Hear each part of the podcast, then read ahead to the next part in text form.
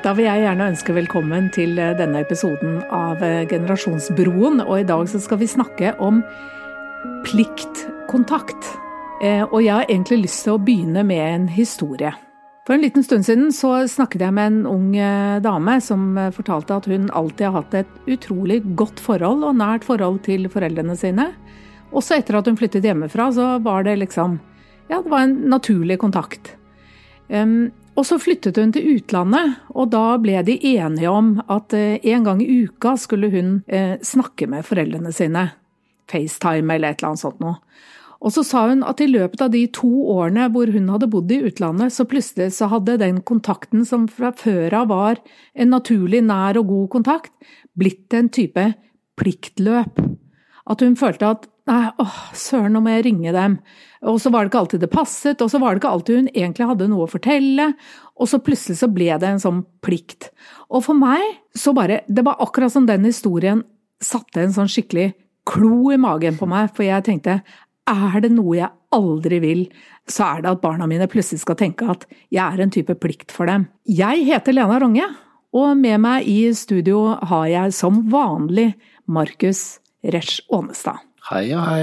Og jeg tenker med denne historien her, så syns jeg det er eh, Den syns jeg er ganske sånn fin å åpne med når det gjelder plikt. For hva tenker du når jeg sier pliktkontakt? Uh, jeg, altså jeg blir jo først og fremst veldig nysgjerrig på hvorfor du så, har så lite lyst til at barna dine skal føle på noen som helst plikt overfor deg. Nei, jeg tror kanskje at jeg, jeg tenker at plikt er en sånn Det er et veldig negativt ord for meg. At eh, plikt blir satt litt sånn i samme båsen som dårlig samvittighet. Ok. Ja, for altså, med, med, da, da, du sa at vi skulle snakke om eh, Eller da vi ble enige om at vi skulle snakke om pliktkontakt, så måtte jo jeg ransake meg selv litt. Og ok, er all den kontakten jeg har med mine foreldre eller bestemor eller hvem det nå skulle være, faktisk alltid rent uh, genuint og av uh, At det alltid er liksom lystbetont. Uh, og så falt jeg jo, eller kom til den konklusjonen at nei, det er jo ikke det. Men det er jo nødvendigvis ikke noe sånn grunnleggende galt i at man har på en måte en viss Om man skal kalle det plikt, eller om man skal kalle det en sånn ansvarsfølelse, eller en eller eller rett og slett et ønske om å være noe eh, Eller eh, hva skal jeg si At, at man kan etterkomme andres behov også. Ja. For, for jeg merker jo at sånn, når, når, du sier det at du, du syns det Du vil ikke være en plikt, og, og du vil ikke at eh, liksom, barna dine skal ha dårlig samvittighet overfor deg, osv. Så, videre. så jeg syns jo at hvis man ikke skal ha noe av det, så tror jeg ikke det er bra heller, liksom. Vi, vi er jo helt nå er jeg kanskje litt sånn konform og, og i det hele tatt, men noen, noen, plikter må man jo ha. Ja, og vi og som skal jeg, snakke mer om oppdragelse og alt mulig ja. sånn, hvis, hvis, jeg, hvis, vi skal gå, hvis vi skal dra denne litt lenger, da, ja, det skal, vi. skal jeg, skal lille, lillegutt eh, bare få lov å gjøre ting han har lyst til hele tiden, eller skal han gjøre ting som, han, som det forventes at han skal gjøre? Etter hvert. Ja, og der er det jo helt selvklart at det er jo eh, det andre, at han skal selvfølgelig gjøre ting som han heller ikke syns er noe morsomme. Ja. Eh, men, men, for meg så blir det to forskjellige ting. Jeg skjønner at jeg er litt ute på bivanke her, det er derfor jeg syns det er spennende å snakke om. Ja, ja. Eh, fordi én ting er liksom at man må lære seg å sette inn i oppvaskmaskinen selv om man ikke syns at det er noe gøy, og mm. man må rydde rommet sitt og alle de tingene der når det gjelder barneoppdragelse, da. Ja.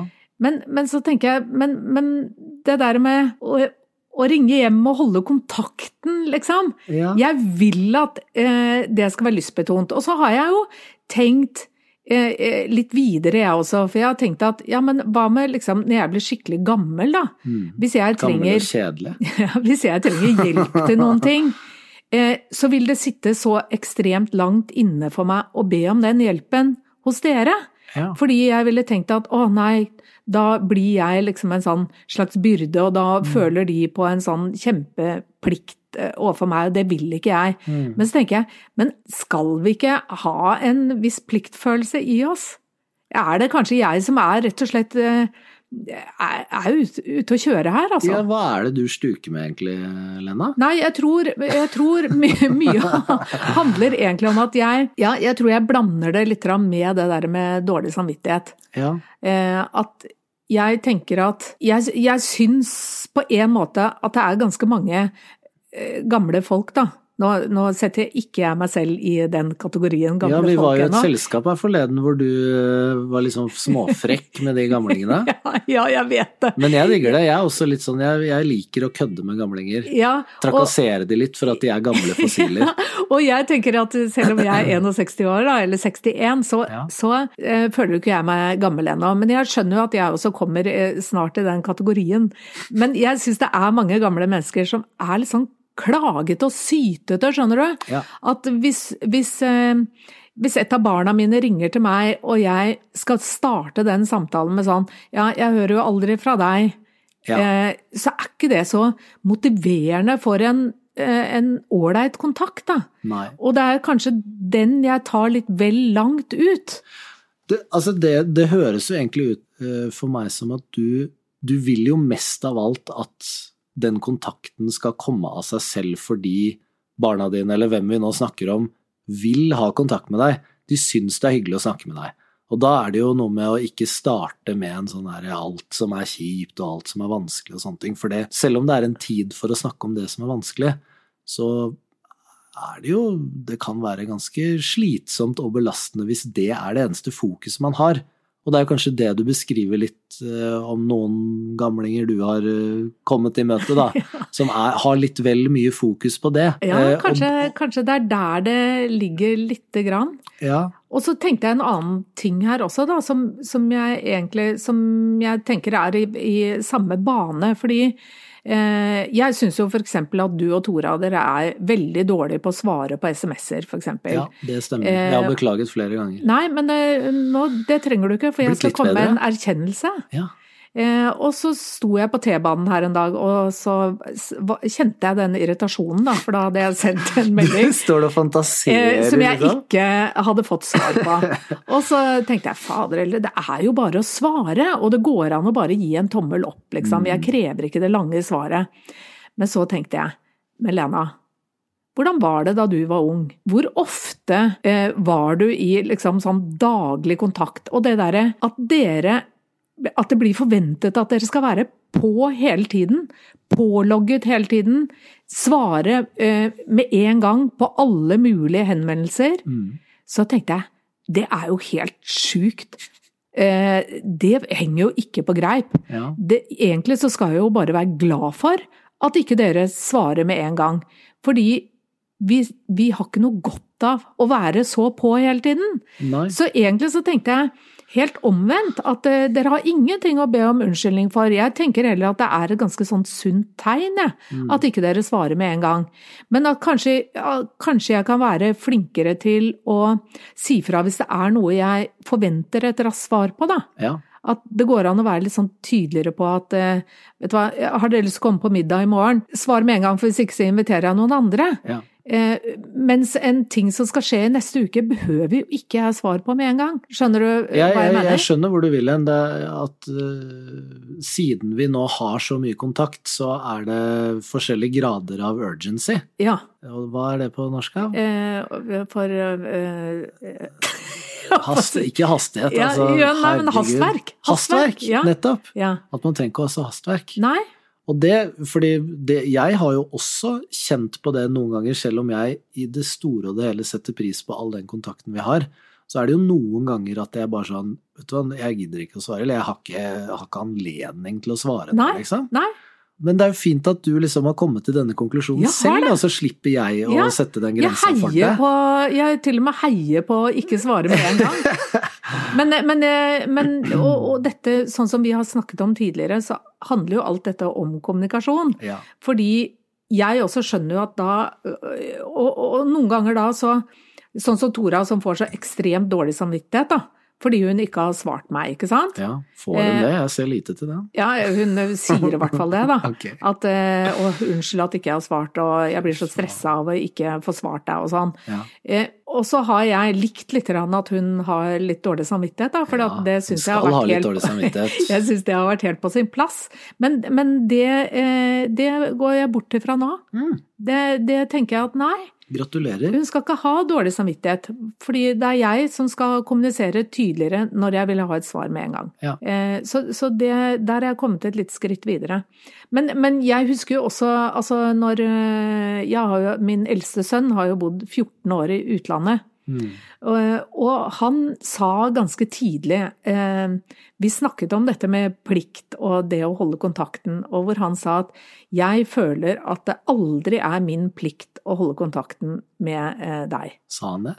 Ja, eh, og jeg syns det var litt vel røft. Ja. Eh, for han Det er modig òg, da. Ja, veldig modig. Og eh, han sa at nei, det er faktisk sånn at det er du som skal holde kontakt med meg. Mm.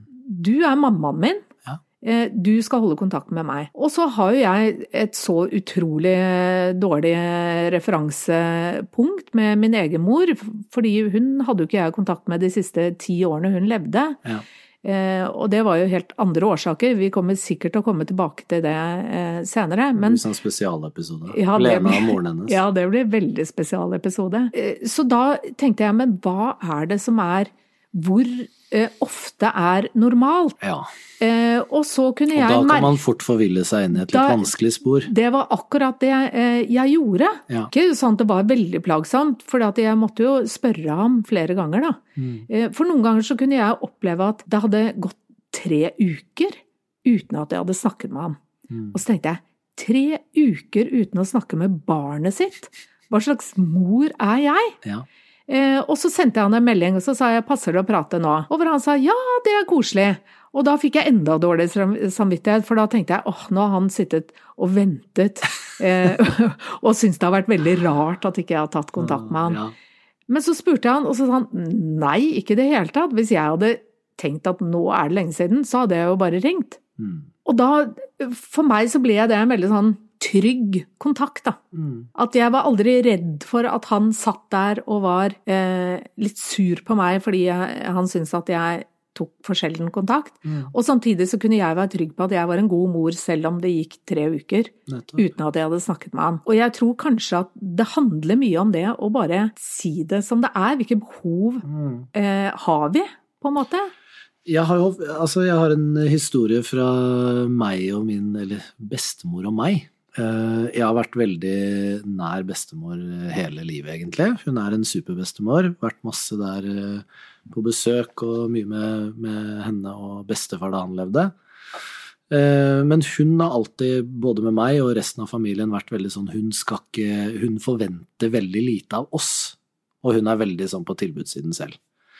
Men så, så har hun ikke sant, Da har hun vært litt sånn vil ikke være til bry og, og sånn og sånn. Men, og så har det kanskje gått litt lang tid da, mellom vi har snakket med hverandre. Og når jeg da eh, ser henne, så sier jeg at men du må jo ikke være redd for at du er til bry når du ringer. Hvis jeg ikke har tid, så tar jeg ikke telefonen. Hvis jeg ikke har lang tid til å prate når vi prater, så sier jeg fra at vet du hva, nå må jeg videre, eller og da slenger jeg på røret liksom og sier at uh, dette går ikke lenger. Uh, og hun er jo altså hun er jo på en måte det du beskriver, da, at hun, Ja. vil, hun vil at det skal være lystbetont, hun vil ikke være til bry, Mm.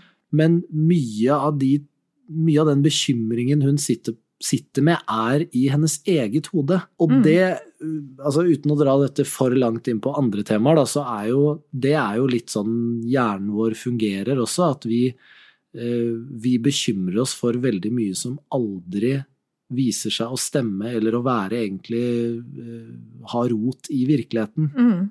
Særlig med angstlidelser og sånne type ting, da. Men Mm. det er jo hverdagslige, sånne relasjonelle ting som, som vi bekymrer oss for. Hvordan, oi, hvordan oppfattet den at jeg sa det her, eller hvorfor har ikke de tatt kontakt, hvorfor har ikke jeg tatt kontakt? Altså så, Mm. sånne type ting. Mm.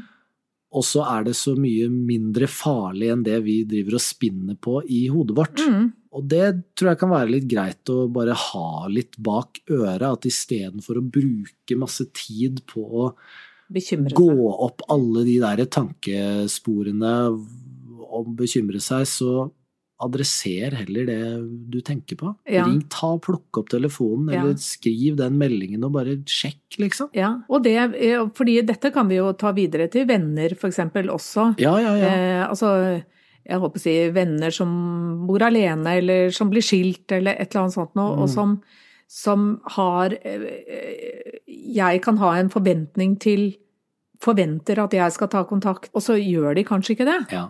Eh, og så lager jeg det til en stor historie om at Ja, jeg ikke har vært en bra venn, liksom. Yes. Eh, og det er jo eh, Ja, jeg tenker det er vel kanskje sånn som dere kan være borti også, med, med det er jo ikke Dette handler jo ikke bare om kontakt mellom eh, eh, foreldre og barn, eller eh, besteforeldre og, barnebarn, liksom. Dette handler jo også om, eh, om eh, relasjoner generelt, da. Ja. Jeg tenker det gjelder i enhver relasjon som er nær nok, eller, eller ikke nær nok heller, liksom. Det er jo i jobbsammenheng også, så er det jo noe med ok, jeg har en portefølje med, med samarbeidspartnere som jeg kjenner på en sånn ok, med visse intervaller, så er jeg nødt til å liksom bare si, si hei og bare blippe på radaren deres for at vi ikke skal forsvinne fra hverandre, ikke sant? Mm, mm. Så, men, og der kjennes det jo kanskje litt ut som en plikt overfor selskapet mitt og overfor meg selv og min følelse av at vi faktisk er samarbeidspartnere og ikke bare sånne perifere liksom, kolleger, på en måte. Mm. Litt tilbake til den sunne plikten. Ja. Fordi jeg tenker ikke at plikt er noe grunnleggende galt, ikke sant?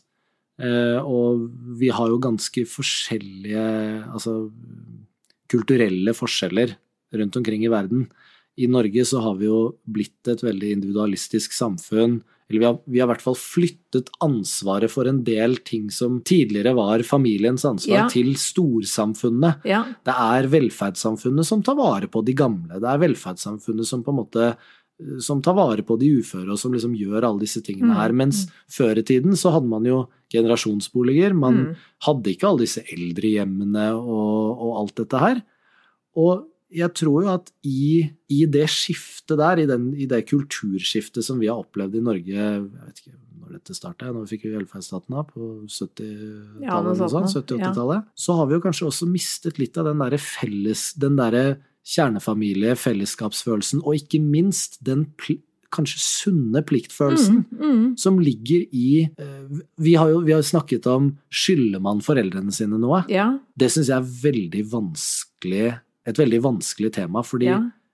min grunnleggende følelse er at ja, til en viss grad så skylder man foreldrene sine noe. Men hvor mye man skylder, det, det er noe vi kunne, kan diskutere og sikkert bruke noen eksempler på. men når man blir eldre, da skal man ikke hjelpe hvis du begynner å bli skrall og ikke klarer å gå, og Knut eh, ikke gidder å hjelpe deg, liksom. Skal ikke vi komme og hjelpe deg å handle litt, eller fikse greier i hjemmet og Altså, forventes ikke det, da? Så lenge dere har oppført dere relativt pent og vi er glad i dere, er ikke det Jo, det er jo det jeg eh, eh, håper at det eh, Men jeg ville på en måte ikke forventet det, skjønner du? Jeg ville Nei. vært så redd for å forvente det. Og, og, men, men jeg skjønner at det ligger kanskje mer hos meg enn det det burde, da. At, Mm. eh, at eh, kanskje eh, jeg kan være litt sånn bedre på å, å forvente det. mm. Og ha en type sånn Vet du hva, nå må dere komme og hjelpe meg, liksom. Ja. Eh, Og at det er helt eh, greit å spørre om det. Mm. Det, det, det, tror jeg det, Der må jeg skjerpe meg litt. Det tror jeg nok. Og den Ikke gode bli helt eh, gæren, da. Nei. Ellers, hvis ikke blir du skuffa. Nei, men ikke sant. Jeg tenker også, også denne pliktfølelsen når man, eh, når man blir sammen med, eller flytter sammen med noen, da, når man Mm. blir eh, to, Mm. så, så tar man jo også med seg eh, sine respektive familier inn i det. Mm. Ikke sant? Og det kan jo bli en utfordring også når det gjelder dette med hvilke plikter har vi, eh, hvor ofte skal vi invitere eh, de forskjellige eh, familiene på middag, eller Mm. at vi skal gjøre noen ting. Altså, og det blir jo ikke, det er jo ikke for å lage en type regnskap, men allikevel så blir det et sånt slags regnskap, blir det det? Ja. Jeg tror det er naivt å tro at folk ikke eh, holder et visst regnskap i alle relasjoner. For det handler om en følelse av gjensidighet og Mm. rettferdighet. Mm. Eh, og jeg, altså, jeg har en del klienter som sliter med nettopp det, at de kanskje er i sin iver etter å bli likt og til å få oppmerksomheten fra mennesker de søker og ønsker og trenger det fra, så kan de bli selvutslettende, de kan være ekstremt dårlige på grensesetting, at de blir ettergivende for eh, sånn people-pleasende. De rett og slett mister seg sjæl, og, og det tror jeg jo ikke på noen som helst måte er bra heller. Da sitter man jo med en sånn veldig dårlig følelse av at man har gitt så mye, og så får man kanskje ikke det man trenger tilbake. Mm. Men da er det jo Det jeg jobber med da, er jo å Og dette er jo litt sånn eh, Hva, hva heter det? Kaste glass i, nei, stein i glasshus. Jeg er ikke alltid god på det heller. Det er noe jeg kontinuerlig og ganske nylig har begynt å jobbe mer med for meg selv. Mm. Eh, er jo nettopp det å forvente noe. At Mm. man kan forvente ting tilbake. Og det er jo her kanskje litt den derre plikten ja, kommer inn. da, ja, at sånn, jeg tror det. Eh, Du og Knut, eksempel, dere er jo veldig på tilbudssiden for oss. Vi spiser masse middager sammen, dere, vi kan låne bil, vi kan gjøre alle disse tingene her. Skal ikke dere kunne forvente noe tilbake av oss, liksom? Skal dere bare gi og gi og gi og gi? For, meg, føler jeg, for, meg føles det, for meg føles det galt. Ja. Det føles ikke riktig for meg heller. Så hvis du eller Knut ber meg om en tjeneste eller noe sånt, så vil jeg bare Yes, seff kan jeg gjøre det. ja. Fordi i banken Ja. mellom oss, i Ja. vår, eh, våre relasjoners eh, type Bank. bank, da, eller regnskap med bokføreren, liksom, så er dere i pluss. ja. Ja, Så jeg skal ikke være så redd for det, med andre ord. Nei? Eh, Kanskje snarere tvert imot, fordi jeg tenker noen ganger hvis det er en venninne eksempel som har stilt opp veldig, veldig mye overfor meg, Ja. så er det jo veldig godt å kunne gi noe tilbake. Mm. Eh, fordi det føles Ja, det føles godt, da. ja. Og noen ganger så ta med det- er det som Jeg tror det er eh, baksiden ved å ikke kjenne på noe plikt, er at man tar ting for gitt. At man kan bli rett og slett litt bortskjemt. Mm. på omsorg og tjenester og tilstedeværelse, ikke sant? Og i sånne tilfeller Altså la oss nå si da at øhm, denne venninnen som du snakket om, da, Mm. som har stilt opp veldig for deg, og så kommer hun i en situasjon hvor hun egentlig trenger at du stiller opp, men så har du en annen venninne som også er det, og så stiller du bare opp for den andre. Mm. Tror ikke venninnen din hadde syntes at det hadde vært så Nei. hyggelig. Nei, men, men så tenker jeg altså Jeg har en venninne som en gang eh, som stilte opp veldig for meg da jeg eh, var veldig syk. Ja. Eh, og hun eh, Og så gikk det tid, og det var mange andre ting som skjedde i livet mitt, hvor hun plutselig følte at vi skled fra hverandre. Ja. Eh, og hun var tøff nok til å si at jeg føler at vi ikke har den nære kontakten lenger Mm. som det vi har. Du er ikke min nærmeste lenger. Mm.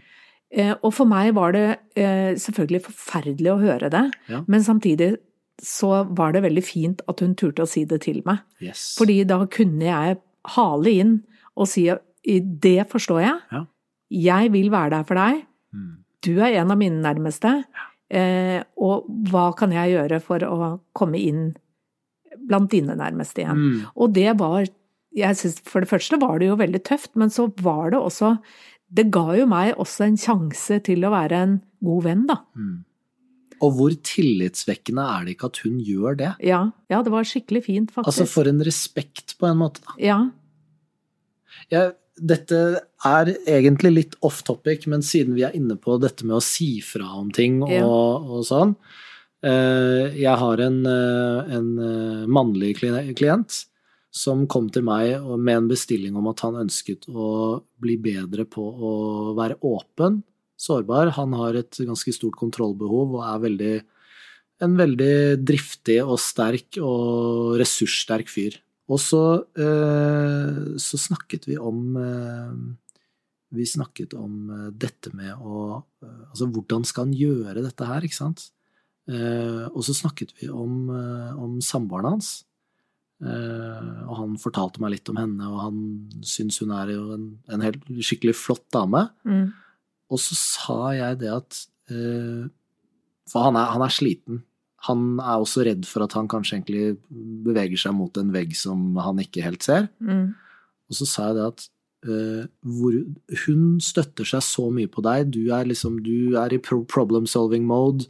Du fikser og ordner og holder på, liksom. Men hvorfor gir ikke du henne den respekten i å kunne gjøre det samme for deg? Mm.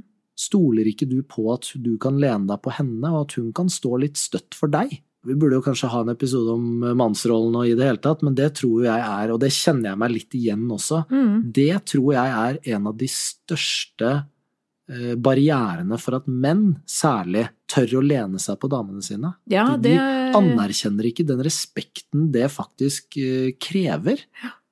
At man frarøver en annen person å faktisk være til stede for deg. Ja. At man er så redd for det. Men ja, og det, det er jo absolutt Dette må vi jo ta en episode på, det er det ingen tvil om. Eh, fordi eh, det handler jo også om det å tørre å gjøre seg sårbar, da. Fordi man kan jo risikere å bli avvist. Man kan det. Ikke sant? Og det er jo det skumleste av det skumle. Og jeg tror kanskje at det er det det handler om eh, hos meg også, når det gjelder dette med plikten. Mm. Fordi jeg er redd for at hvis jeg sier at eh, Hvis jeg ringer dere og sier at nå trenger jeg dere skikkelig, Ja.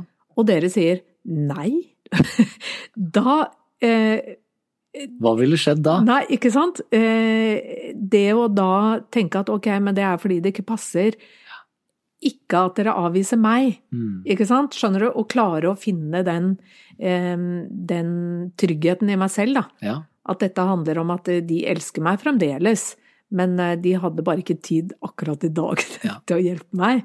Og det, det er jo stikkordet her, trygghet i seg selv. Ja. Det krever masse mot å forvente noe av andre. Ja. Fordi hvis du skal forvente noe av andre, så betyr det også at da må du være verdig Ja. at andre skal gjøre noe for deg. Ja. Og det er det jo veldig mange som ikke helt kjenner på. Ja. Jeg også kjenner på det i, i større og mindre grad i noen relasjoner. Ja, Det er utrolig Dette er et veldig spennende tema, syns jeg. Ja, og, og jeg syns jo Ja, eh, altså eh, jeg, jeg tok og googlet eh, plikt, da. Ja. For å se liksom hvor eh, Hva får jeg opp da? Fikk du opp pliktetikk og sånt? Ja, eh, ja, det gjorde jeg med Kant. Var det Kant som eh, det er godt mulig. Nå ja, avslører jeg meg her som en sånn historieløs Ja, nei, jeg tror det var eh, Kant som var liksom eh, foregangsmannen, og, og han blandet inn både etikk og moral i dette med plikt. Eh, og jeg liker jo etikk og moral. Ja. Det er, det er vel bare det at eh, dette pliktordet har fått en veldig negativ klang for meg, da. Ja. Eh, Men som det tror jeg er et symptom på samfunnet vårt også, at det er noe, det er noe litt sånn grunnleggende egoistisk med den tiden vi lever i. Ja. mm, Med alt dette, med disse sosiale medieeksponeringen vi blir utsatt for, og individualistisk samfunn og i det hele tatt. Det er noe, det er noe litt sånn narsissistisk og egoistisk ved det hele. Ja. Og jeg tror eh, eh, Altså, han godeste Jordan Peterson, som jo har blitt en sånn helt for veldig mange unge menn, han snakker jo om ansvar, eksempel. Når i all verden er det vi Jeg kan på en måte veldig sjelden huske å ha hatt noe bevi bevisst forhold til ansvar. Hva faen betyr det, liksom? Hva, hva er det? Hva innebærer det? Og det Mm. samme tror jeg gjelder plikt. Sånn, ok, vi, har, vi hadde sikkert uh, om plikt i, i samfunnsfag eller uh, historie eller noe sånt på Religion ja, eller eller religion eller et eller annet sånt da, på Ja. ungdomsskolen, men sånn som vi snakker om plikt nå, da, Ja. det er jo en ganske sånn uh, tydelig et tydelig eksempel på hvor plikten utspiller seg, ja. og hvor potensielt manglende pliktfølelse kan være problematisk. Fordi du som mor, vi kan jo snakke om det, da, at du Ja. som mor har jo en plikt. Til å passe på barna mine. Plikten din er jo å passe på barna dine, Ja, selvfølgelig. men skal, er, gjelder ingen av den plikten tilbake? Nei, det er det jeg, jeg har tenkt at det gjør den ikke, men det gjør den jo. Ja, men Mener du å si at du kanskje har endret litt syn på plikt eh, mellom mor og datter, eller barn og foreldre i dag? Ja, jeg har i hvert fall tenkt veldig nøye på det, og, og tenkt at jeg, jeg, jeg tror jeg eh, må gå noen runder med meg selv her, altså. Og være litt mer eh, trygg på at jeg eh, er verdig den eh, på en måte gjengjeldelsen. Mm. Gjensidigheten. Ja. ja det bunner, bunner det egentlig i at vi er redde for å ikke bli elsket, liksom? Ja, sikkert. Eller av- ja, avvisning på en måte gjør det jo det. det. Mm. Akseptert. Ja. Hvorfor skal ikke dine forventninger eller dine ønsker og behov være viktige for personer du yter og gir så mye? Mm. Det er jo kanskje det det handler om, da. ja. Veldig spennende, Markus. Ja, ja, ja, det, det blir, jo, blir jo fort det, da. Eh, dette var en veldig spennende eh, samtale, syns jeg, Markus. Og, og jeg syns at dette med plikten og moralen og, og Vi kommer jo tilbake til Altså, dette er jo eh, en, en liten del av et veldig stort tema. Mm. Vi snakker jo om relasjoner her, og det kommer vi til å gjøre i denne podkasten Ja. generelt. Eh, Men, men eh, så, så Og jeg tror jeg kommer til å fortsette faktisk å tenke ganske mye på dette her. Og så håper jeg jo også at kommunikasjonen, eh, når jeg får nå et sånt kick, og tenker at nå, nå skal jeg få Skal mulig. skrive en tilbake liste alt med demands? ja, Her er hva jeg forventer av dere. Her er to do-listen. Jeg vil gjerne f.eks. at kontoret mitt skal males en dag. Ja, ikke faen. Så det, dette gleder jeg meg til. Alt Ja. det jeg skal begynne å kreve tilbake nå. Jeg må Nei, løpe og forberede datteren din på Ja, det, det som kommer. jeg, nå. Hun kommer til å få helt bakoversveis. Skaper så mye liv Ja. Ja, jeg vet det. Men, eh, men en annen ting som er litt eh, morsomt før vi avslutter, det er at nå har vi jo fått denne mailadressen ja, eh, som vi snakket om i eh, introepisoden vår. post at generasjonsbroen.no. Nemlig. Og der kan dere komme med både ris og ros, og kanskje også hvis det er et tema dere tenker åh, dette hadde vært spennende å høre Lena og Markus snakke om. Ja.